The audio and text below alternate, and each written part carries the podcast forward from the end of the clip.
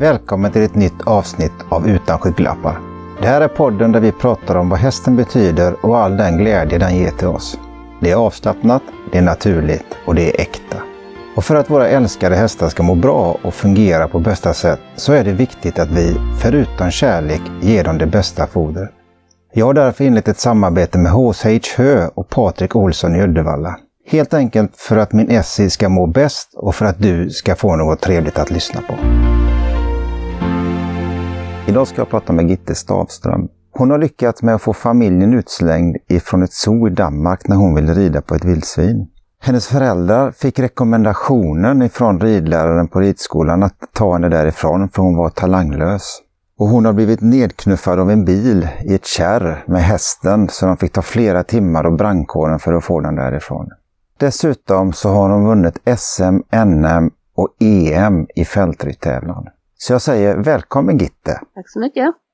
Kan inte du berätta lite om det här som hände både 2004 2005? Ja, eh, det var ju så att vi hoppar ju hästarna och tränar dem inför tävling och så här. Och eh, ja, jag red emot ett hinder och jag känner liksom att hästen hoppar av en liten, liten bit för tidigt och slår i bommarna med knät. Och den störtar liksom efter hindret och jag framför den och sen kommer hela dens bakdel över mig. Och jag bara känner liksom att oj, nu gick något i sönder. Eh, hästen sprang hem och min man kom springande. Och ja, eh, jag kände liksom att jag kunde inte ens resa mig upp så han tog och körde mig till lasarettet och de röntgade mig och eh, sa att nej men du har bara brutit nyckelbenet. Så, men det känns inte som jag bara brutit nyckelbenet utan det är något annat. Och eh, ja, de skickade hem mig och på kvällen ringer röntgenläkaren som eh, då hade tittat på bilderna en gång till och hittat, att jag hade en punkterad lunga, fem brutna revben och, eh, och då nyckelbenet också. Åh fy fasen! Ja, och som ridtjej är man ju så liksom att ja, ja, men det blir nog bra, jag ligger och vilar mig här ett tag och jag ja, ringde hemtjänsten för att få hjälp. Jag kunde inte ens komma upp och gå på toaletten och de sa att nej, vi har ingen personal som kan komma från om en vecka. Jag tänkte, jag kan ju inte ligga här i en nej. vecka. Ja. Så min man tog barnledet för att vi hade nyligen fått barn bara ett tag innan. Ja. Så uh, han hjälpte mig och uh, ja, jag tyckte jag repade mig ganska snabbt och kände att nu började det sitta ihop lite. Och det var bara två och en halv vecka efteråt. Så jag började ju rida och tävlade redan efter två och en halv vecka efter det här.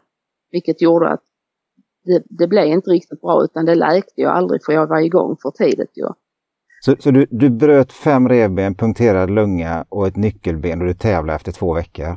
Ja, och jag blev faktiskt etta i den ena klassen och, var, äh, och tvåa i den andra. Herrejär. Alltså det är ja. ju...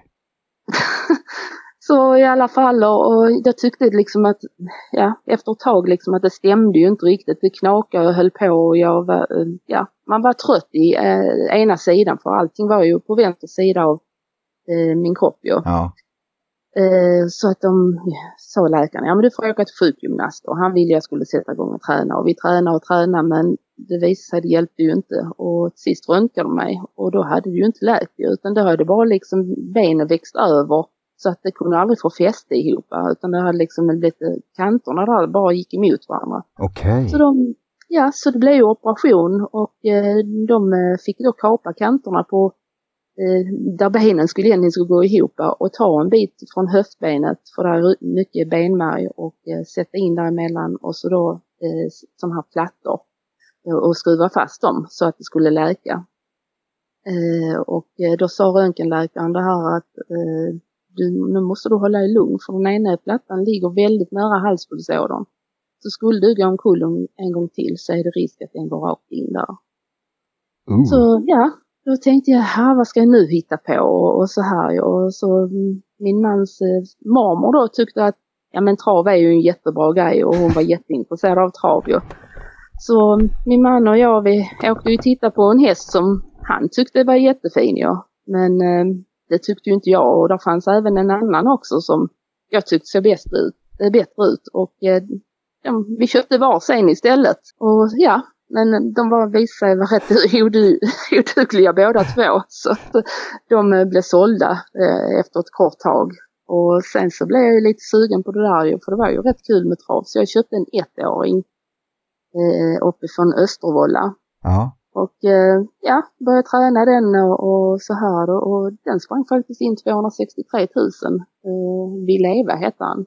Ja, det är ju bra. Och, ja, för att vara en nybörjarhäst och liksom jag hade aldrig kört in en häst utan det var ju liksom, vi var ju rent gröna på det här och fick igång allting. Så att, eh, och sen efter det så har det bara blivit fler och fler hästar. Travare då. Men det, det, det fanns aldrig liksom den här tanken med plattan nära pulsådern och den biten att, att släppa hästarna helt och hållet. Det var, det var, du sökte då snarare ett alternativ och det var det enda som gällde eller? Ja, jag tänkte det är ju inte så stor risk liksom eh, att sitta bakom en travare liksom för att falla av i fälttävlan och, och, fasta hinder där. Det blir ju rätt så hårda smällar. Ja.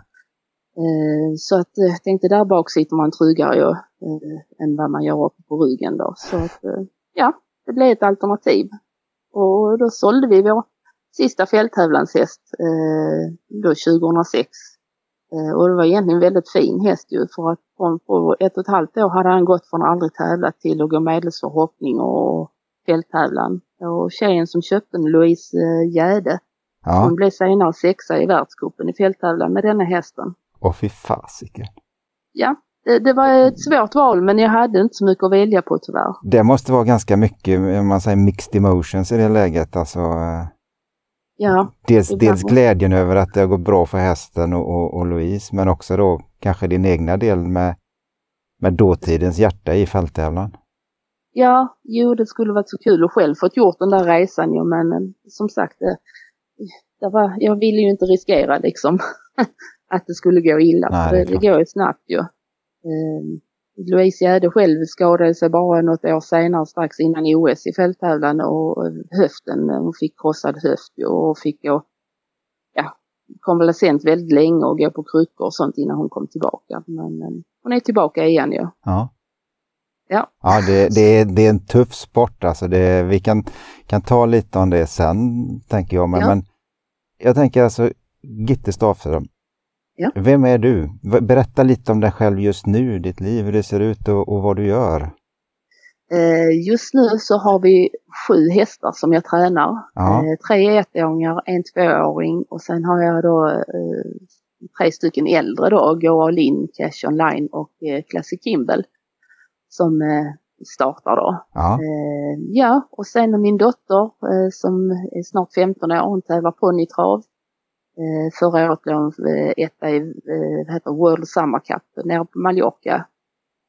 Och hon satsar ju stentufft på det och hon vill, håller på att ta licens nu för storhäst och vill bli Sveriges yngsta eh, kusk. För hon är född väldigt sent på året. Hon är född den 28 december så hon hinner bli 15 år och fyra dagar till hon får lov att tävla första gången. Okej. Okay. Ja. ja. Så att det är ju hennes mål eh, att kunna fortsätta att bli ännu bättre. Ja. Och hennes kille som då kommer i eh, Jakob Johansson eh, har då startat våra hästar lite grann och han är 17 år till licens i somras. Eh, och eh, han har till och med vunnit med vår häst som aldrig har vunnit tidigare. Okej. Okay. Eh, så att eh, ja, jag tycker det är kul med de här nya som är på väg för att de behöver verkligen hjälp på vägen för att ja. komma igång och synas ju. Det är ju oftast bara de äldre som syns ju. Ja, och vi bor på en gård längst ner i Skåne där vi har våra hästar. Eh, vi tränar ju, eh, ja tyvärr har vi bara grusvägar hemma så vi får, får åka in ganska ofta till Jägersro och träna ja. på deras banor. Men eh, hur det blir där nu med träningsbanorna när den ska byggas om till en ny bana och flyttas, så det, det, har vi faktiskt inte fått reda på ännu. Så just nu är det lite osäkert hur det går där. Ja. Ja, så så ser vårt liv ut just nu. Ja, Men vad, liksom de här, du började med ett år ändå, du har fortsatt med den biten. Du tycker det är kul att jobba även med, med unga hästar i det läget? Ja, vi har alltid gjort det, liksom köpt dem väldigt unga.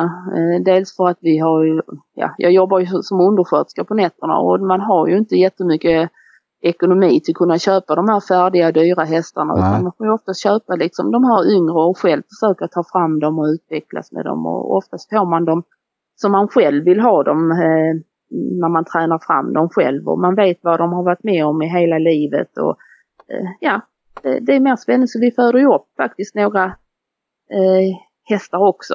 Eh, så nästan allihopa vi har här hemma är födda hos oss. Ja, då har, du, då har du verkligen varit med om eh, ifrån start egentligen hela hållet, helt och hållet. Ja, fått välja eh, hingstarna och lite sånt. Ja. Eh, det är faktiskt rätt spännande. man begår sina misstag och det blir fel ibland och ja, men man lär sig också av det ju. Ja. Det är hur svårt som helst det med, med avelbiten. Det... Ja det är det. det. Man blir aldrig färdiglärd. Varken på det ena eller det andra viset. Om vi går tillbaka och kikar. Hur växte du upp? Hur kom du in på hästar? Var det självklart för dig att det skulle vara häst? Nej, alltså vi är ju född nere i Beddingestrand i ett samhälle där nere och vi bodde i en villa ju. Ja. Men eh, ja, jag var ju jätteintresserad av hästar och var det kommer ifrån vet jag inte. Min mamma var ju född på en bondgård där han, min morfar hade eh, ardenner som drog plogen och, och så här på den tiden. Och, och, när det var lunch fick jag sova i krubban. Eh, för att de höll på att mjölka och sånt. Så då låg jag och sov i hästarnas krubba. Så jag vet inte om det är där det har kommit. Men eh, i alla fall, eh, ja, de, mina föräldrar började märka att det var dags. Jag fick börja på ridskola efter bland annat vi var på zoo i Danmark. Ja. Mina föräldrar blev av mig och de hörde en gris skrika där fruktansvärt. Så de sprang ju dit och då var ju självklart jag där innan eh, för inhägnaden och försökte rida på den här stackars grisen och djurrädda, djurvårdarna försökte ju rädda grisen för mig. Eh, så då, ja, då, då fick vi åkte faktiskt ut därifrån. Vi fick inte vara där längre. Gjorde du det? Ja, ja precis. Så i alla fall så, i alla fall gick jag på dagis eh, också under den här tiden. Ja. Ja. Och eh, jag åkte hem till kompisarna de hade får och där hittade ju deras föräldrar mig ute i hagen och försökte rida på fåren där. Ja. Eh, Så de, de, de sa inte så mycket men de berättade för mina föräldrar efteråt och undrade om det var dags jag fick börja på rida på ridskola istället. Ja. Och eh, hos min morbror när jag var där så försökte jag rida på deras kalvar ja. Men de såg, jag hann ju knappt upp när jag låg i marken ja. Så, så det blev ju att jag började på Trelleborgs ryttarförening och rida där. Och eh, ja, ridläraren där tyckte efter ett tag att jag hade ingen talang alls utan jag bara åkte av hela tiden. Så han sa till mina föräldrar att det är lika bra du lägger av för att det kommer alltid gå. Alltså det var en totalt talanglös. Så ja, jag slutade ju där ju. Och efter ett tag så köpte mina föräldrar en ettårig ponnyhingst. Eller köpte egentligen inte för min far var rör, rörläggare och som betalning fick han den här ettåriga hästen. Okej. Och eh, ja, och innan den växte upp så köpte de ytterligare en häst och det var en travare. Och när jag var nio år gammal så tog jag den där och red iväg på. Och när den vände hemåt så tog den och stack. Utav bara den och jag, eh, ja, jag kunde inte sitta kvar utan jag föll av bara jag fastnade i stigbygeln och blev släpad efteråt. Nej. Och, eh, jo, och fick en rejäl skada. Jag fick en blödning i hjärnan. Fan. Så eh, där var ju två tjejer som hittade mig ute i en åker och tog mig på cykel hem till mina, min far då.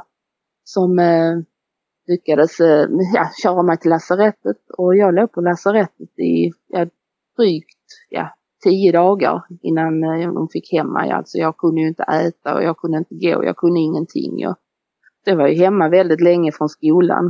Eh, så att eh, ja, innan jag åkte hem från lasarettet så kom mina föräldrar när läkaren är där med ett kort och visar mig att de har köpt en ponny till mig istället. och de hade varit på Scans auktion och köpt den här eh, ponnyn för på den tiden kunde man ro- ropa in de här eh, slaktdjuren eh, innan de gick till slakt just. Så Ja. de köpte den här ponnyn till mig och jag började rida på den och det gick rätt så hyfsat. Och jag, när jag var tio år gammal tävlade jag första gången och fick en fjärde plats då. Ja. Och sen så på den vägen ner har det blivit fler ponnyer och den här som eh, nu eh, vi köpte som ettåring. Han blev ju rätt så maxad D-ponny så han tävlar ju både bland ponny och stor häst. Inte samma år men det, det blev ju eh, en väldigt bra häst så att han tävlade från han var fyra år till han var 26 år gammal och vann sin sista start som storhäst som 26-åring. Nej. Jo, och eh, den, den, alltså den hästen var ju helt otrolig. Alltså jag, den vann ju jättemycket. Alltså jag vann svenska mästerskapen i fälttävlan med han. Vann nordiska mästerskapen i fälttävlan med han och Europamästerskapen i fälttävlan med han. Och tävlade galopp med han. Eh, blev tvåa två gånger i Svenska Lottderby, vann en gång. Blev nia i SM i dressyr. Eh, samtidigt som jag blev sjua i SM i hoppning. Så när jag hade hoppa, eh, ridit dressyrklassen fick vi snabbt sadla om för då kallade de in mig på banhoppning och red banhoppning direkt efteråt. Så att eh, ja, och, och ja, sen uttagning till junior-NM i, i fälttävlan med storhäst med han och ja, det, det var en helt otrolig eh, ponny eller häst ska man säga. Ja. För att han gick ju både halva livet som ponny och halva livet som storhäst. Så att eh, ja, Vil det var jädra, vilket jädra lyckoköp alltså! Ja, eller egentligen ett jobb som min far ja. gjorde som rörläggare. Ja, så att eh, jo, han hade vi hela livet. Så att när han var nio, 29 år gammal så fick vi ta bort han som, på grund av cancer. Okej. ja, det, det, det är solskenshistoria rakt igenom alltså. Ja, fast det har ju varit tuffa. Jag vet ju när, innan jag skulle till Nordiska mästerskapen med han så var jag ute och red i skogen och tränade han och i en kurva där kommer en bil, väldigt, väldigt hög fart. Och eh, får sladd på bilen och knuffar till min häst som åker av vägen och ner i ett dike där det är sankmark i en, en sån bäck som går längs vägen. Ja. Och han börjar sjunka och jag lyckades ta mig upp och jag bara ser hur han fortsätter sjunka och jag får syn på en motorcykelkille som står längre bort och jag hoppar och skriker och fäktar och han kommer bort till mig. Frågar vad har hänt? Så här kan du kalla på hjälp och han åker bort till en, eh, en bonde som han kände som eh, kom med traktor men han sa det här kan inte vi eh, få. Så han ringer till brandkåren och brandkåren kommer och eh, har linor och, och kran och allting så vi ska lyfta upp man med. Och jag får krypa under för att det var ju så hemskt klädet och de menar på att jag var ju redan så smutsig som jag var så jag kunde lika bra fortsätta. Så jag fick gå under linorna han och de fick dragit upp han. Och han verkade klara sig rätt bra och det var bara huvudet som stack upp på han då innan vi fick upp han. Och eh, längre bort så fanns en gård som heter Kullatorp. Det är ett litet slott eh, som ligger i Gablionskog i Trelleborgs kommun. Ja. Eh, och de duschade av han. Eh, han jobbar som, eh, jag tror var rättare på Näsbyholms gods. Han sa, jag, jag duschar av hästen så kan du gå in och duscha i, i huset. Och jag duschade och duschade och duschade. Det kvittar hur länge jag duschade för att det rann bara svart ifrån mig från den här leran. Och håret stod som liksom rastaflätor ut på mig. Jag tänkte gud hur ska jag göra? Alltså, jag kan ju inte fortsätta. Jag har duschat och duschat och ändå blir det inte bättre. Så när jag går ut därifrån är det fortfarande spår efter mig när jag går ut därifrån. och jag får be om ursäkt för det kvittar hur jag gjorde för jag fick inte bort det. Så de fick ju torka upp efter mig efteråt. Och sen då veckan efter så skulle vi åka till Nordiska mästerskapen i Danmark. Och eh, när vi går terrängbanan där så eh, stryker sig halva storhästlaget för de tycker banan gick för mycket på skrå, så kallat att det var för mycket lutning ja, på vissa ställen. Eh, och sen så kom vi till ett jättevattenhopp, alltså vi ska hoppa ner i ett stort, stort vatten. Och jag tänkte gud, vi höll på att drunkna förra veckan, ska hästen våga hoppa det här? Och jag bara tänkte nej, ja. Men i alla fall, vi började med inledande dressyren och vi låg ju, låg ju rätt bra till. Vi låg ju etta där efter dressyren. Och så kommer vi till terrängen och den låg slutet på banan och jag känner bara när jag rider emot det här att åh, ska han lita på mig? Jag kände ju själv för jag ja. nästan skulle kväljas. Och han bara hoppar och landar och klarar alltihop. Och han vinner Nordiska mästerskapen överlägset. Kan till och med riva ett hinder och vägra en gång och ändå vinna i banhoppningen efteråt. Men han gick felfritt. Fan vilken saga! Ja, ja. det var en ja, helt otrolig alltså. En sån kompis får man aldrig igen. Nej men och vilket, vilket psyke det måste vara på hästen alltså som går ner sig i kärret ja. och får ligga där. för jag kan ju tänka mig att det här har tagit ganska många timmar innan han kom upp. Ja, han skakade och han var kall och ja, ja det var hemskt alltihopa. Och sen, mm. och sen gå ut då liksom och köra det racet och få nästan motsvarande hinder på banan. Ja. och lita på ryttaren Ja. och göra det liksom. Ja, nej det, det var en sån känsla så du anar inte. Nej, jag kan tänka mig det. Det, det, Ja. det låter, det, alltså det, det känns överhuvudtaget hela den här hästen då från första stund och till. Det är ju helt Ja. sagolikt alltså. Ja, ja det är en riktig sagoberättelse om den eh, hästen. Sen eh, då ytterligare några veckor senare så är vi uttagning till Nordiska, mä- eller Europamästerskapen i fälttävlan nere i Frankrike. Och eh, ja, jag ska ju egentligen gå, jag gick ju utbildning till undersköterska då. Okej. Och i alla fall så bad jag min lärare att eh, jag vill, behövde vara ledig för jag hade ju helgpass precis den helgen det skulle vara det här. Och den här läraren hon vägrade att ge mig ledigt. Nej. Jag sa men jo. Hon sa att nej, du har detta som eh, obligatorisk uppgift och då ska du full, fullfölja detta. Jag sa men det, detta är ju kanske bara en gång i livet jag får vara med om detta men det hjälpte inte. Men eh, ja, jag åkte i alla fall Ja. och åkte ner och tävlade där. Eh, och eh, på vägen ner, min far hade köpt en sån här liten hästbil på exekutiv auktion på eh, Kronofogden. Ja. Och den var ju inte den bästa. Så när vi kom ner i Tyskland till Årsnabruk då sprack kylan och fläkten. Nej. Jo, och vi fick ju inte lasta av hästen eller någonting för att det var ju på grund av karantänreglerna som fanns. Då fick man inte lov att lasta av från man var framme på platsen. Så att vi fick in i en verkstad och upp med häst och bil allting på eh, de här eh, luftanordningen inne i verkstaden med hästen inne i bilen. Och bytat allt det här och det tog en himla tid ju. Och så ner igen och så fortsatte vi. Så fick vi punktering på ett däck och vi bytte däcket. Körde en bit och hamnade på bakgatorna inne i Paris. Och fick punktering igen, fick byta ytterligare ett däck. Så när vi kom ner, ner i, i Samur där detta gick, så var det bara precis vi hann ner till veterinärbesiktningen. Hade vi inte hunnit dit där till den så hade vi inte fått starta. Så vi hann och veterinärbesiktiga och bara byta om och då hade vi varit vaken i 24 timmar i sträck. Och lastar av och gör veterinärbesiktning och så ut och bara värmer upp hästen och så in på banan och gör dressyrprovet och ligger tvåa på dressyren. Så ja, i alla fall så tänkte jag, ja men det var ju rätt så hyfsat ändå ju med tanke på vilken resa vi hade ju. Rätt så hyfsat. Ja.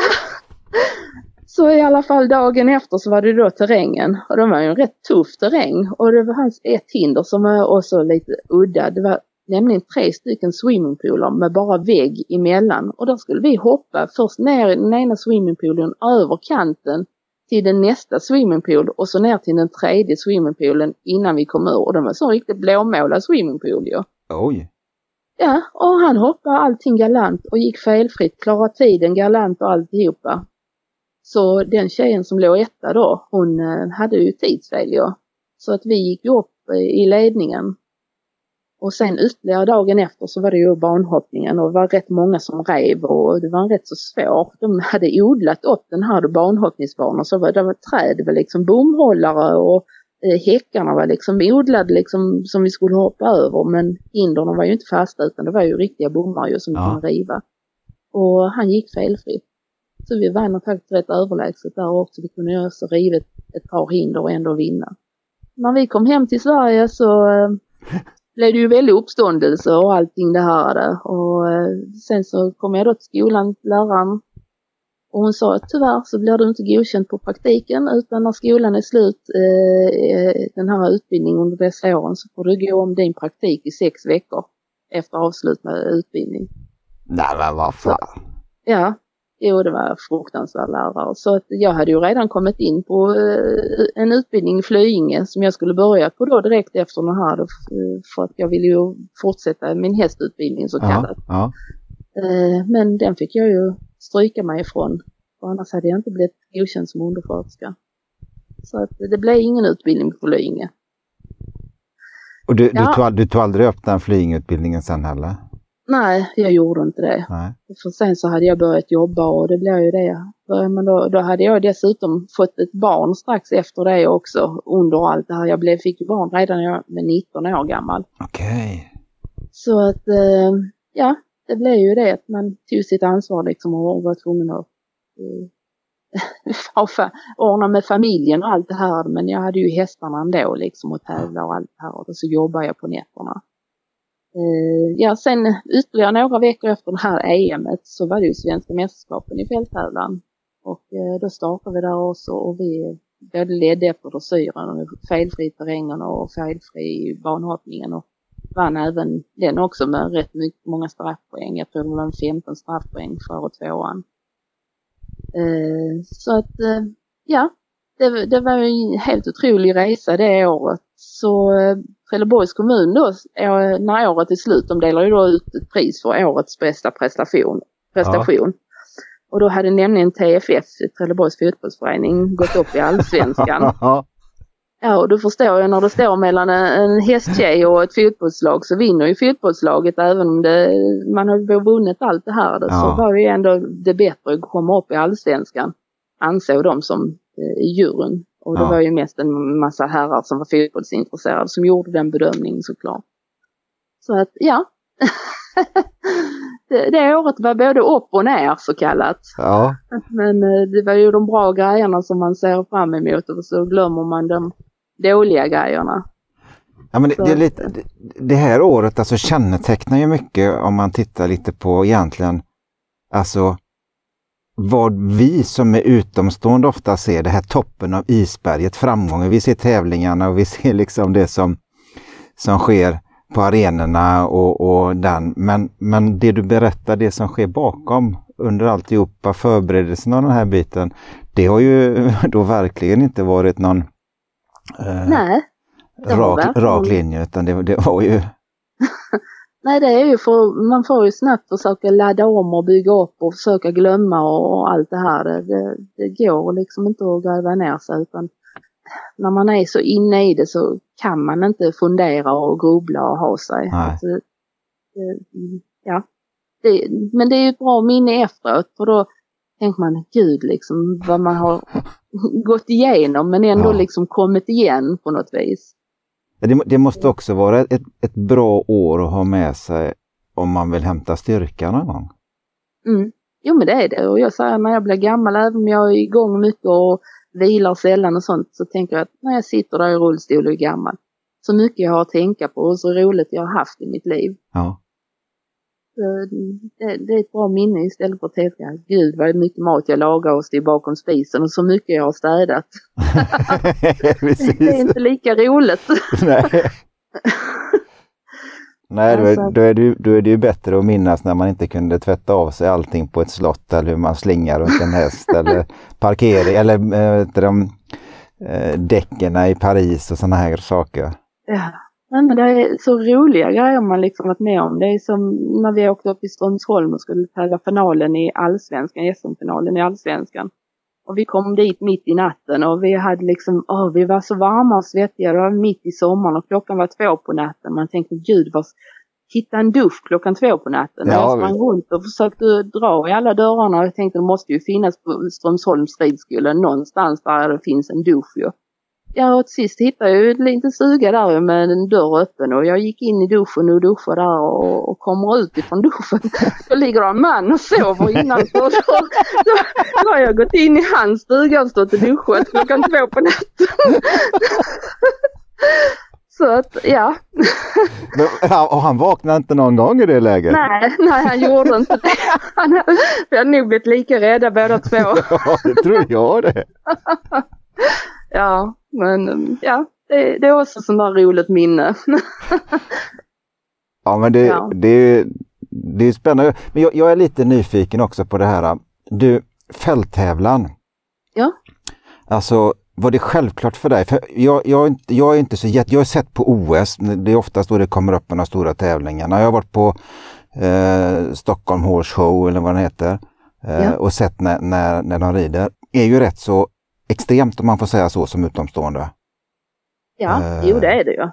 Det är ju eh, stora maffiga hinder och, och, det är ju gropar, man ser ju inte allt ju för att en del av de här hindren kan vara en jättestor torrgrav eller vattengrav framför ja.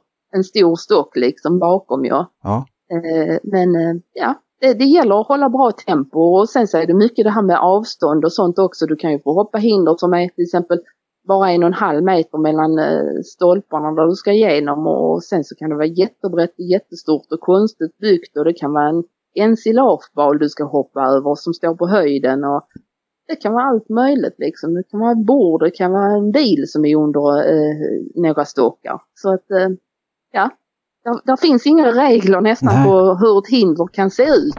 Men du kan ju inte riva dem så därför är det ju så viktigt att du får det till stämma till 100 procent. Och annars är det ju, du vurpar liksom rätt så ordentligt. Ja, men det, det, är lite den biten att du måste ju ha varit med om mer än den här olyckan som vi pratar om. Och, och också just det här med alltså hästen, alltså team. Ni måste ju vara ett enormt bra team. Eh, ja. För att, få, för att liksom få hästen, men den ställer ju oftast upp, men alltså just att ta alla de här ruggigt tuffa hindren. Ja. Jo, alltså när man tävlar en häst till att gå i ett terränghinder så är det ju alltså något sätt som är väldigt bra det är att man tränar, har man en ung häst, att man tränar och har en äldre häst som går framför liksom så de får lite draghjälp ah. och ser att det är ju inte så farligt liksom och, och så de får ju ett bättre självförtroende om de har en hjälphäst. Och det är precis som inom trav. Ja, Ska du få en, en, en travare till att kunna vilja springa och tycka det är roligt så underlättar det jättemycket om du har en grupp du kan träna med. Ja. Det är väl lite nackdelen som amatörtränare. Det är inte lika lätt att få eh, och andra att hänga med och träna ihop. Liksom. Eh, man är ju rätt så ofta själv. Ja, ja det blir det. Eh, ja, men eh, det är därför oftast man ser de här stora tränarna. De har ju oftast unga hästar som kommer längre och sånt. Men de är ju väldigt många anställda som kan jobba och köra ihop och de är mer van vid tävling och allt mm. där. En amatörhäst när han går premielopp så är det precis som att hjälp vad är det här? Ja, precis. ja, när det kommer andra hästar och sånt. Så att, eh, men eh, det är därför inom ridsporten har man ju eh, oftast en ridlärare och man rider i grupp tillsammans några stycken och allting. Det är mer organiserat på det viset. Men ja. inom travet det är mer var och en är nästan för sig själv liksom. Ja. Eh, om inte man har ett eget team själv så kallat. Ja. Ja men det, det, det märker jag med om man säger. Jag har ju sökt mycket och vi, vi är några stycken som försöker hjälpas åt här uppe som jag är otroligt tacksam för. För annars hade inte jag haft någon chans alls. Så att det, eh, det blir ju många, det, det blir lätt många timmar själv när man är amatörtränare. Ja, ja men klart. det blir det ju. Så en del jobbar på dagarna ju för att ja. amatörtränare de, de kan ju inte livnära sig som proffsen gör för de har ju oftast hästar i träning. Eh, och, och, de får ju sin inkomst av hästägarna och, ja. och kunna liksom syssla med bara det. Men vi ska ju förutom träningen både liksom jobba och allt det här också. Och det går ju rätt många timmar om dygnet och det, det inkräktar rätt mycket på fritiden det där jobbet ju. du, det gör ju det. Ja, så att eh, när vi väl har liksom gjort allt det där proffstränaren har gjort, då ska vi gå på ett jobb dessutom. Och sen ska vi hinna med tävlingarna däremellan ja. Ja. Eh, så att eh, ja, det är ju det. 24 timmar om dygnet nästan. ja, det, det, det är inte svårt att få tiden att gå. Nej. Helt klart. Nej, jag jobbar ju själv på nätterna och sen när jag kommer hem på dagen så är det hästarna ända till jag åker till jobbet på kvällen igen. Ja. Och, så jobbar jag natten igen och som nu i helgen så jobbar jag natt, fredag till lördag natt, tävlar tre hästar på dagen på lördagen, jag åkte till jobbet, jobbar natten igen och sen så hästarna och träna och fixa och sen ska jag till jobbet igen. Så att där är aldrig någon vilotid emellan. Om man tittar också på, på ditt liv så känns det som att det har, nog, det har väl aldrig i hela världen funnits någon liv, en vilotid för din del. För om jag har förstått det hela rätt, mitt i alltihopa det här med, med SM, EM och NM och den biten, eh, mm. så tävlade du även friidrott, eller hur? Ja, jag gjorde ju det. det var nämligen så att min far han jobbade ju då eh, inom kommunen just vid den tiden ja. eh, som eh, på fri, eh, heter det, idrottsplatsen. Ja. Och han såg alla de här tränarna och de tyckte ju att ja, du kunde väl också vara med och tävla och sånt. Och eh, jag började, de sa du kan ju prova på, vi har något som heter kul i fem på februarilovet. Ja men äh, alltså okej då. Jag åkte dit och hoppade höjder på, skoj, på skojs skull. Ja och jag hoppade och jag vann den där tävlingen så sa de herregud var tränar, vilken klubb tränar du för? Tränar, sa jag, hoppat min mammas säng sa jag. De trodde jag skämtade med dem men det stod i tidningarna sen efteråt att höjdhoppor ska träna din mammas säng. och då ville de jag skulle vara med och, och i deras lag ju. Ja. Eh, och jag gjorde det och, jag blev femma i SM i höjdhopp och eh, sexa i SM i, i längdhopp och det är egentligen rätt konstigt för att jag tränar inte så mycket friidrott utan jag Nej. red mer egentligen utan det var ju det den styrka man hade därifrån när man red och tränade och allt det här. Så att min höjdhoppning, den, den tekniken var ju inte speciellt bra egentligen. Så jag hoppade ju 1,71 i höjdhopp när jag blev femma i SM och 5,46 i längdhopp och blev sexa i SM där. Hur gammal var du då? Ja, jag var väl 16 år eller någonting. Eh, när jag hoppade. Ja. Och eh, det var samtidigt som Patrik Sjöberg också tävlade så jag vet att bussen eh, hämtade upp alla vi som skulle tävla i SM där uppe. Och han satt, vi hämtade han någonstans i, kom inte ihåg med Ängelholm eller Hässleholm, han satt rent tyst i bussen hela vägen upp, sa inte ett ljud. Och han var bara ute på tävlingar, han tävlade, sen var han i, i hotellrummet och satt rent tyst hela vägen ner igen. Okej. Okay. Ja, så att eh, det är min erfarenhet av han. Ja. Men eh, ja, det, det, sen så blev det det att hästarna tog över mer och mer och det blev ju det svårt att hinna med både ja. att tävla mycket för jag vet jag åkte till Eriksmåla och skulle tävla nationell hopptävling. Och eh, då tävlade på förmiddagen hoppningen. Sen åkte vi ner till Karlshamn och så tävlade en höjdhoppstävling där. Och så tillbaka igen och så tävlade jag hoppning igen till Eriksmåla. Jo. så det blev ju väldigt spritt och, och, så här att ladda om och koncentrera sig. Alltså det, det blev snabba vändningar. Ja. Eh, sen tog ju hoppningen över mer och mer och fälttävlan mer och mer så att jag tävlar även internationell hoppning. Eh, bland annat i Bella Center i Danmark tävlar jag stafetthoppning ihop i lag med eh, Rolf-Göran Bengtsson.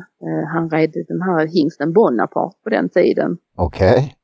Så jag red första rundan ja och låg rätt bra till, felfritt och allting. Och så Rolf-Göran laddade också som bara den och vi låg, hade en kanontid på gång och han tänkte att han skulle rida ett steg kortare mellan två hinder, eh, från det näst sista till sista hinder. Bara det att hästen räckte inte riktigt fram så han brakade in i den här sista hinder som var en trippelbar. Så att det blev ingen seger men vi hade vunnit överlägset om han hade klarat det. Men eh, ja. Så att eh, det, det är också ett av minnena. Ja det är, man, man, kan, man kan lätt tolka ut den här biten när man lyssnar på dig Gitta, att, att det är ju, du har ju en enorm talang för den här biten också. Uh, det, för det, du får inte fram den ena hästen efter den andra i den ena disciplinen efter den andra utan att själv vara uh, väldigt duktig på att, att få fram de individerna.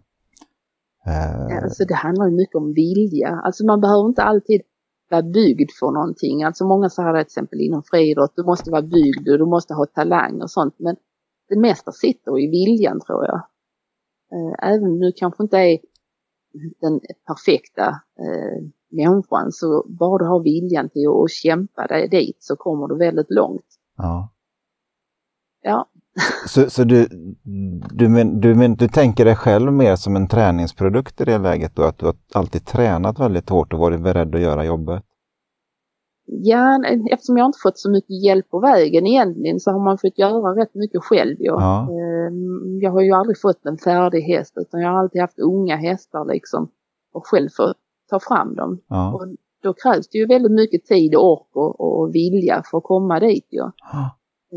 Om man ser många i, idag så är det ju väldigt många som har, köper de här färdiga hästarna, eh, speciellt unga eh, som tävlar. Ja. Eh, det är inte så många av dem som tar fram dem från början liksom. Och det, det är kanske inte tiden till det heller att, att kunna utbilda dem och, komma dit. Liksom.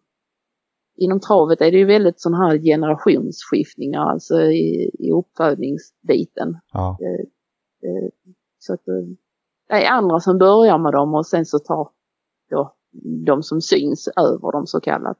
Ja, precis. Jo, men så, det är ofta så att det är någon som kör in dem och jag lägger grunden och sen så går de vidare ja, till, till, till en annan tränare, det är klart. Ja, den syns ju oftast inte den som har lagt grunden från början. Nej, nej. Så, och det tror jag nästan är inom alla eh, hästsporter så kallat. Eh, det är sällan den som syns i, i toppen med den som har gjort det från början. nej. Ja, Nej, men det, stäm, det, stäm, det stämmer eh, nog ganska mycket skulle jag säga. att eh, det, det går i olika steg. Någon jobbar med unghästarna och sen tar någon vidare och så förädlar de unghästarna till mm, det är då förhoppningsvis stjärnor. ja precis. Du jobbar mycket, du har egna uppfödningar just nu. Du, eh, du har en dotter som är aktiv också då. Ja. Eh, och eh, hur, hur liksom tänker ni någonting framtid liksom med plan och kanske satsa gemensamt bägge två och köra och lite större eller sånt eller hur, hur, hur går planerna där? Ja, alltså hon får ju ha sin ponnytid så länge hon tycker det är roligt ju. Men Ja. ändå ska hon kombinera det och, köra storhäst har hon för sig själv i alla fall. Eh, Och det, det kommer jag ju stötta henne i och, och allt det här. Och då, jag kommer ju fortsätta att träna och sånt. Så att vi får se hur långt vi kommer med det här eh, materialet vi har. Eh, och, eh, ja, vi får se hur stort det blir och, hur mycket det blir. Nu har hon hennes kille också som eh, är, är duktig och vill tävla så han eh, startar också våra hästar. ja, Så eh, det hade ju varit roligt om vi fick ett riktigt, riktigt bra team. Ja. ja, Eh, Men som sagt, eh, det, det är ju en dyr, alltså det är dyrt att föda upp liksom en travare och få de här riktigt bra hingstarna för att få fram de här eh, bättre avkommorna. ja, Den finns ju inte riktigt ännu liksom för att eh, en hingst, alltså de här bra hingstarna kostar ju en 70-100 tusen liksom och de absolut i särklass bästa de kostar 200-300 tusen ja. Och det, det, det, tyvärr så får vi ligga på de här hingstarna som kostar 25 000 eller mindre. Eh, och då, då hamnar man ju inte på riktigt samma nivå. Eh, alltså man ligger lite efter redan från början ja, eh, avelsmässigt. Men vi gör så gott vi kan. Men det, det, det är ju ändå, alltså, eh, både, både eh, kanske lite ja och nej vill jag säga i det läget också. Det, det är klart att, att vissa hästar har en, en bättre utkomst om man säger som så i, i vad de levererar. Men, men Ja. samtidigt så tror jag att mycket ligger i just hanteringen och grundläggandet utav de unga hästarna eh, och vart de kommer hän sen och även lite hur mycket tid de kan få längs vägen. Ja, jo men det är det ju också. Och, det, och just det här teambildandet mellan, mellan dig och hästen tror jag att många kan, som kanske inte har den här jättestammen, faktiskt eh, blir riktigt, riktigt bra hästar. nej, alltså det, oftast hamnar ju väldigt många hos de som redan har väldigt många hästar och Ja. kanske inte blir lika mycket tid till varje som när man själv har dem. Liksom man, Ja.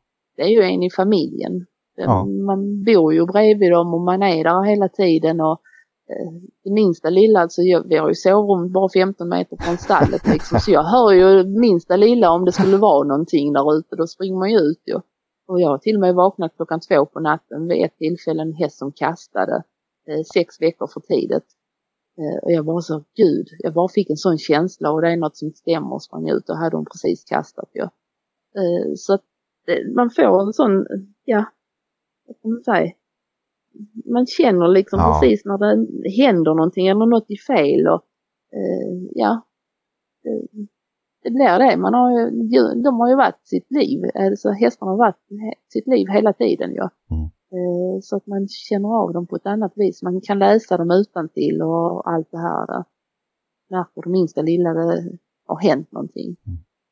Jag tror du sätter ett, ett jättestort finger på eh, relationen och den biten med hästen att använda känslan. Lite som jag tror att den här äh, stjärnhästen som du hade som du fick, som din farsa fick för ett jobb och som sen växte upp och var hela med dig. Att, att den kände din tro, den kände din eh, förtroende för hästen och, och vice versa. Jag tror att man sätter, du sätter ett stort finger på den biten där med vad man kan som liten eller som icke kapitalstark faktiskt jobba mycket med för att få en, en, mm. Eh, en, hämta hem lite av de fördelarna som andra kanske har då.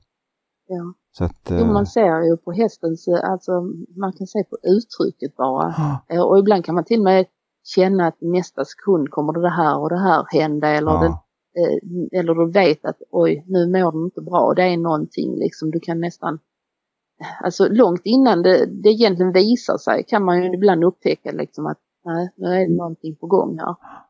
Eh, så det hinner aldrig gå så långt. Eh, alltså jag har ju inte haft en häst som haft kolik till exempel. Nej.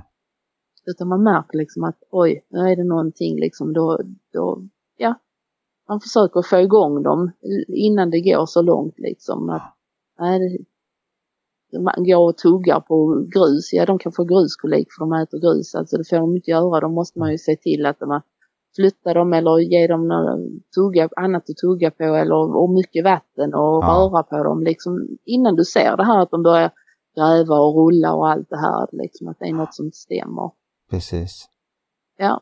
Läsa av och, och ligga lite före. Ja, och man ser dem ju hela tiden. Man är ju så mycket ute med dem hela dagarna så att uh, man har ett öga på dem hela tiden allihopa. Jag tycker det här ja. blir, det, det, det, har varit otroligt kul att sitta och, och prata med dig här Gitte och det, jag tycker det blir en bra slutpunkt egentligen också lite på den känslan som jag haft med mig under, under hela samtalet med att, att verkligen lyssna på hästen och läsa av dem.